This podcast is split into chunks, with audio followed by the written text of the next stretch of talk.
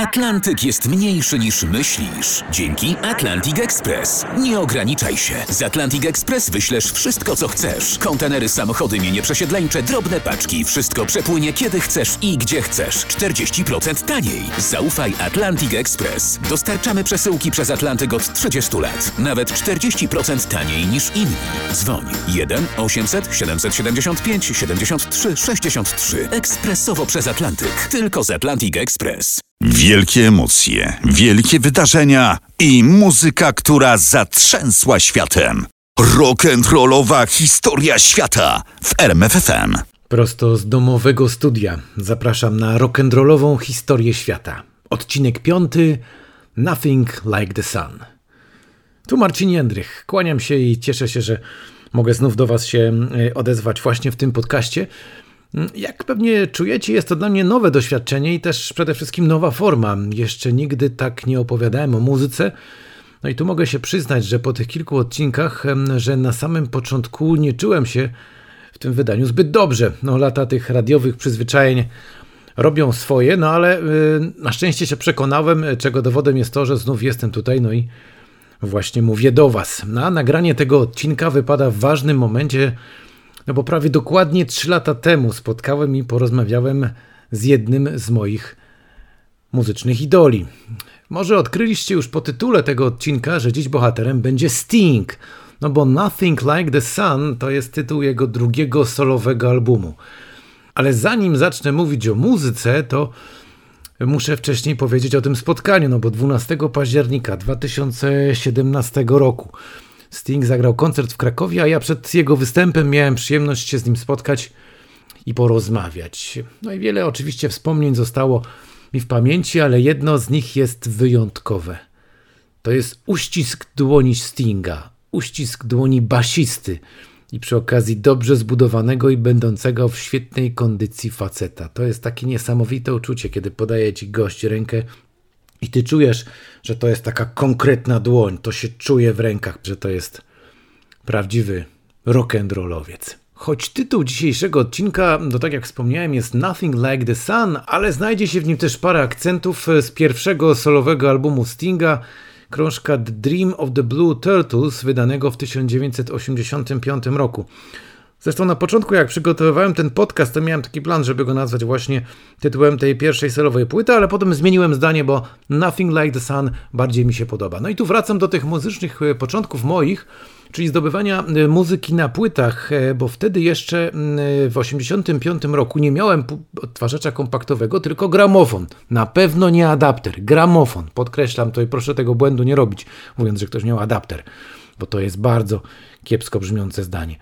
Chodziłem co niedzielę na giełdę płytową w Krakowie do studenckiego klubu pod Przewiązką, no bo tam koncentrował się co tydzień ten muzyczny świat przez te trzy godziny od tej 10 do 13. E, właściwie tam się działo wszystko to, co najważniejsze.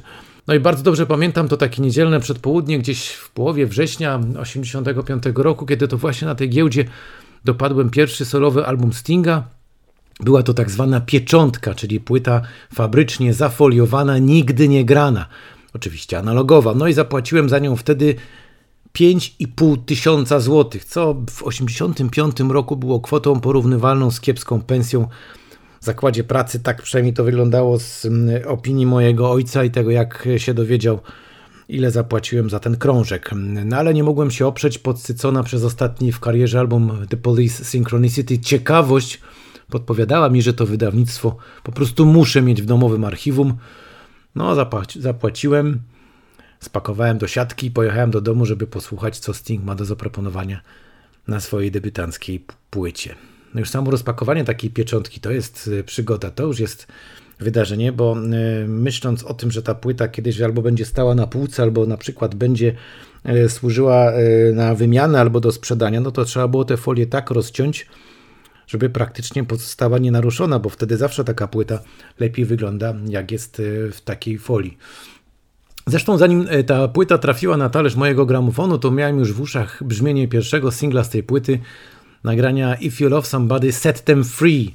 Można się było od razu z niego dowiedzieć, że pan Gordon Sumner, czyli pan Sting, oddzielił od siebie dość grubą kreską to, co robił z kolegami policjantami, do tego, co stworzył właśnie na tym nowym albumie. I czy to był dobry pomysł? Ja jestem przekonany, że to była właściwa decyzja i kompozycje zawarte właśnie na tym krążku The Dream of the Blue Turtles wzbogaciły muzyczne dokonania XX wieku. No i może to dla mnie trochę szkoda, że ten krążek zawiera tylko 10 kawałków, ale z drugiej strony taką porcję muzyki jest w stanie przyjąć i posłuchać każdy, nawet ten, kto za Stingiem po prostu nie przepada, zwłaszcza za tym jego e, lekko jazzującym obliczem, o którym dziś jeszcze będę mówił. No i po przesłuchaniu wspomnianego singla otwierającego tę płytę, bo tak się ta płyta zaczyna, trafiamy na kawałek zatytułowany Love is the Seventh Wave. Taki rozkołysany, regałowy numer, który na samym końcu zawiera taki mikroskopijny prezent dla fanów The Police, bo tam jest sprytnie wpleciony najbardziej charakterystyczny fragment z wielkiego przeboju grupy The Police Every Breath You Take. Tak to sobie Sting fajnie wymyślił, żeby gdzieś tam pokazać, że to on cały czas jeszcze ma w pamięci i w głowie te dźwięki, które sprawiły, że e, stał się popularny i przede wszystkim tak dużo w muzyce osiągnął. No i zaraz po tym e, utworze e, Love is the Seventh Wave pojawia się najbardziej poruszający i najważniejszy numer tego wydawnictwa, czyli nagranie Russians. To jest bardzo mądry tekst tego utworu, no i słuchając go dziś trzeba sobie przypomnieć, jak wyglądała sytuacja polityczna na świecie w 1985 roku. Dwa ścierające się ze sobą mocarstwa, czyli USA i Związek Radziecki, walczące ze sobą zarówno na słowa, jak i również militarnie. Politycy przerzucający się różnymi deklaracjami, atakujący się nawzajem, a gdzieś tam w tle po prostu ludzie, narody, mieszkańcy zarówno wtedy jeszcze Związku Radzieckiego, jak i Ameryki. Wtedy się straszyli, wtedy się zbroili, wtedy yy, szykowali świat do tego, żeby być może nastąpiło jakieś kolejne uderzenie, jakieś kolejne wojenne rozstrzygnięcie. A Sting po prostu o tym napisał utwór. Zresztą to nagranie zostało wzbogacone jeszcze o parę taktów pochodzących z kompozycji, yy, którą yy, napisał słynny rosyjski kompozytor Siergiej Prokofiew. No jak to brzmi ten utwór Russians? Co to jest za melodia? Może warto sobie fragmencik przypomnieć.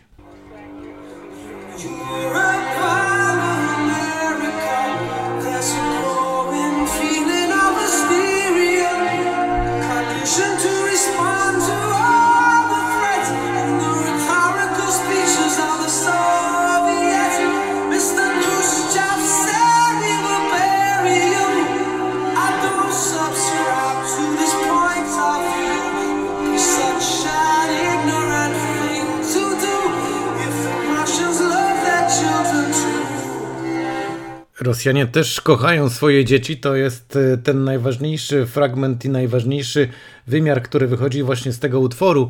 To jest to, co powinno zostać w głowie każdego, kto gdzieś tam czasem porywa się na różne e, polityczne ataki i nie myśli o tym, że oprócz e, zwykłych politycznych haseł mogą czasem pojawić się zwykłe ludzkie tragedie to właśnie Russian z e, Stinga, a nawet jeśli ktoś e, przebrnął przez e, ten album tak bez specjalnych emocji, nawet słuchając tego utworu The Russians, chociaż jak ja go słucham, to zawsze mam jakieś takie małe ciarki na plecach i przeszedł przez tą pierwszą część płyty, czyli kawałki od 1 do 5, obrócił album na drugą stronę wersji analogowej, albo po prostu szedł dalej w wersji kompaktowej i zaczął słuchać kolejnych nagrań, to na drugiej stronie w pewnym momencie jego uszy i wyobraźnia powinny zareagować i wysłać sygnał, że coś się dzieje niezwykłego.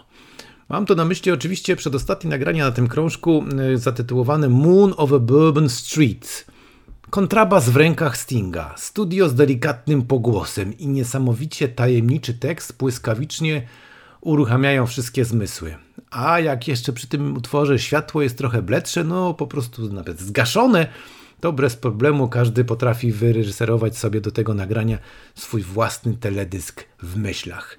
No i Sting zresztą przyznał na y, okładce płyty w takiej notce, że nagranie powstało po przeczytaniu książki Anny Rice Wywiad z wampirem. No i miałem tu w planie zagrać fragment Moon of a Bourbon Street, ale fragment bardzo źle by tu brzmiał. Trzeba by zagrać całość. W związku z tym to jest zadanie dla wszystkich tych, którzy słuchają tego e, podcastu.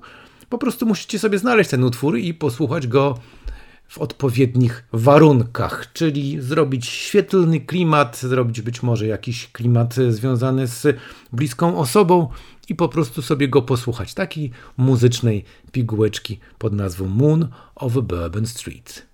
No i tu właśnie w tym miejscu po of Bourbon Street będzie bardzo ważne przejście ze świata analogowego do świata cyfrowego. Od Dream of the Blue Turtles do Nothing Like the Sun właśnie, bo po przesłuchaniu tego solowego krążka Stinga stałem się jego wielkim fanem. Mm, zacząłem pilnować jego kolejnych premier, no i oczywiście wydawanych albumów. No i tak się dla mnie szczęśliwie złożyło, że w połowie 86 roku kupiłem sobie pierwszy odtwarzacz CD firmy Technics. Używany, ale działający. No i przestawiłem się na płyty kompaktowe. No i na początku miałem tylko jedną płytę, e, Brothers in Arms, no i jak być może niektórzy kojarzą, mówiłem o niej w pierwszym odcinku rock'n'rollowej historii świata. Kto nie kojarzy tej historii, no to oczywiście zapraszam, bo ona też jest do odsłuchania. No ale też dzięki temu, że moja mama w tamtych czasach jeździła za granicę, w tym także do USA, y, w związku z tym zaopatrywała mnie w moje wymarzone płyty kompaktowe. No i właśnie jesienią 87 roku dowiedziałem się, że mój ukochany Sting wydaje kolejną płytę po koncertowym dwupłytowym albumie Bring on the Night. To był album właśnie zatytułowany Nothing Like the Sun.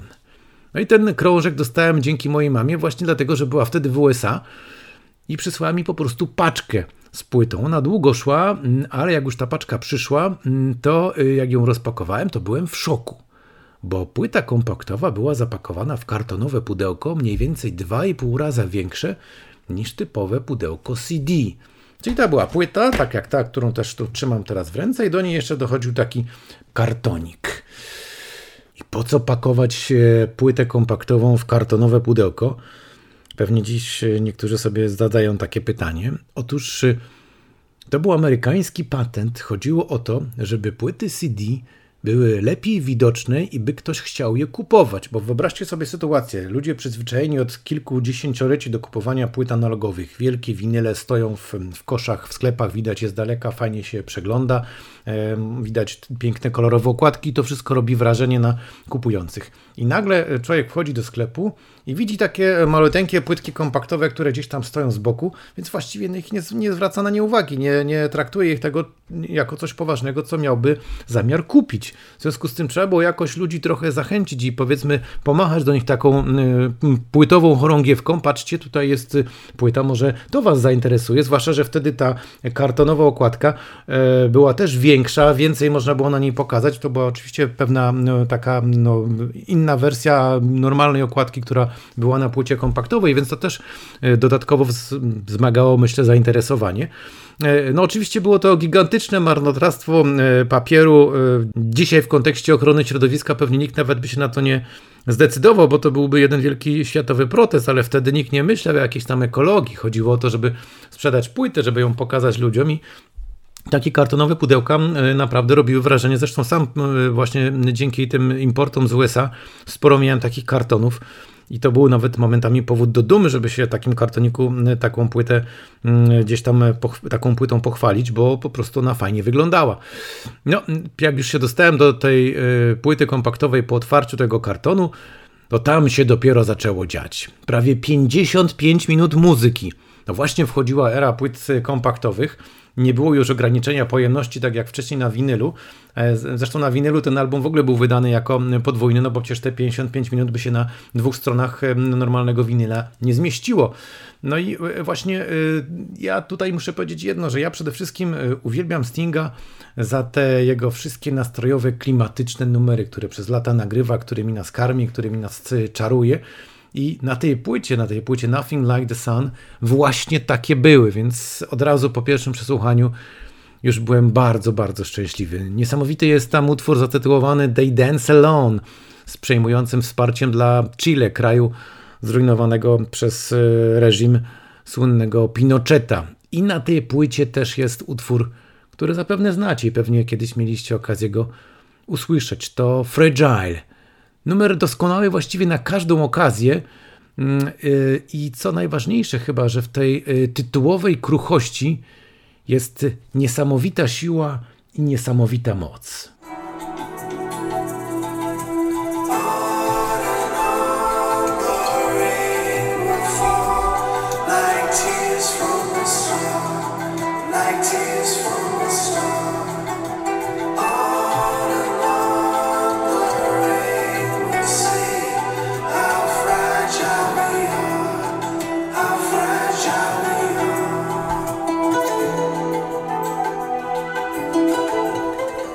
Właśnie za to najbardziej lubię Stinga, za te klimaty, za te nastroje, za to budowanie takiej atmosfery. Czegoś, czego inni artyści e, nie nauczyli się chyba do dziś. On to w taki niesamowicie perfekcyjny sposób opanował i potrafi nas e, za każdym razem, na każdej swojej płycie, właśnie czymś takim wyjątkowym zaskoczyć i dać nam taki utwór, chociażby jak to Fragile, które no, bez względu na okoliczności, na sytuację jaka jest, jak się gdzieś go tam złapie, to od razu człowiek się inaczej czuje. No i to, co najważniejsze na tej płycie zatytułowanej Nothing Like the Sun, to jest tam jeszcze utwór, który jest taką muzyczną kontynuacją wspomnianego dzisiaj przeze mnie Moon over Bourbon Street, czyli nagranie System Moon, czyli znów Sting. Wchodzi do studia, bierze w rękę kontrabas, delikatny pogłos, przygaszone światła, no i zaczyna swoją drugą, bardzo niesamowitą opowieść.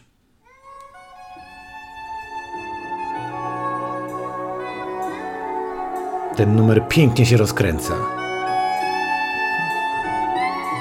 Ten taki delikatny jazzik na początku i właśnie Sting.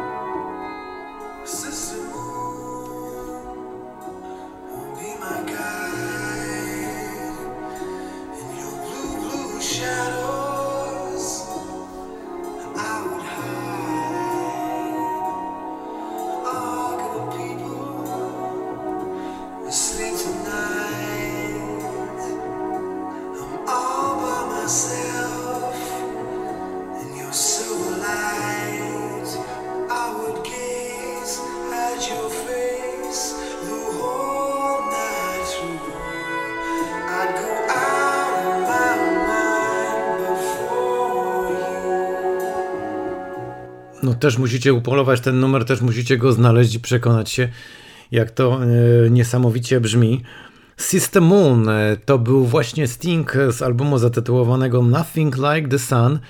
I tak właśnie zbudował taką historię opartą na dwóch e, nagraniach, na kontrabasie, który przecież też jest jego ulubionym instrumentem, bo przecież on jest basistą.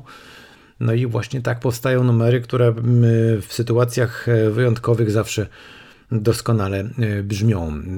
Zresztą ten jazz, który tutaj się pojawił w mojej wypowiedzi, to przecież też nie jest przypadek, bo właśnie na płycie pierwszej solowej, czyli Dream of the Blue Turtles i na tym albumie Nothing Like the Sun, no Sting wziął do współpracy samych najbardziej znakomitych i znanych jazzmenów. Tak sobie to właśnie wymyślił, że gdzieś tam te rokowe e, korzenie i rokowe tradycje, które ma e, w sobie związane z występowaniem przez lata w grupie The Police, należy zmierzyć, połączyć, e, być może także skonfrontować trochę właśnie z gośćmi, którzy no, z największymi mistrzami muzyki jazzowej występowali, albo sami byli nawet mistrzami jazzu.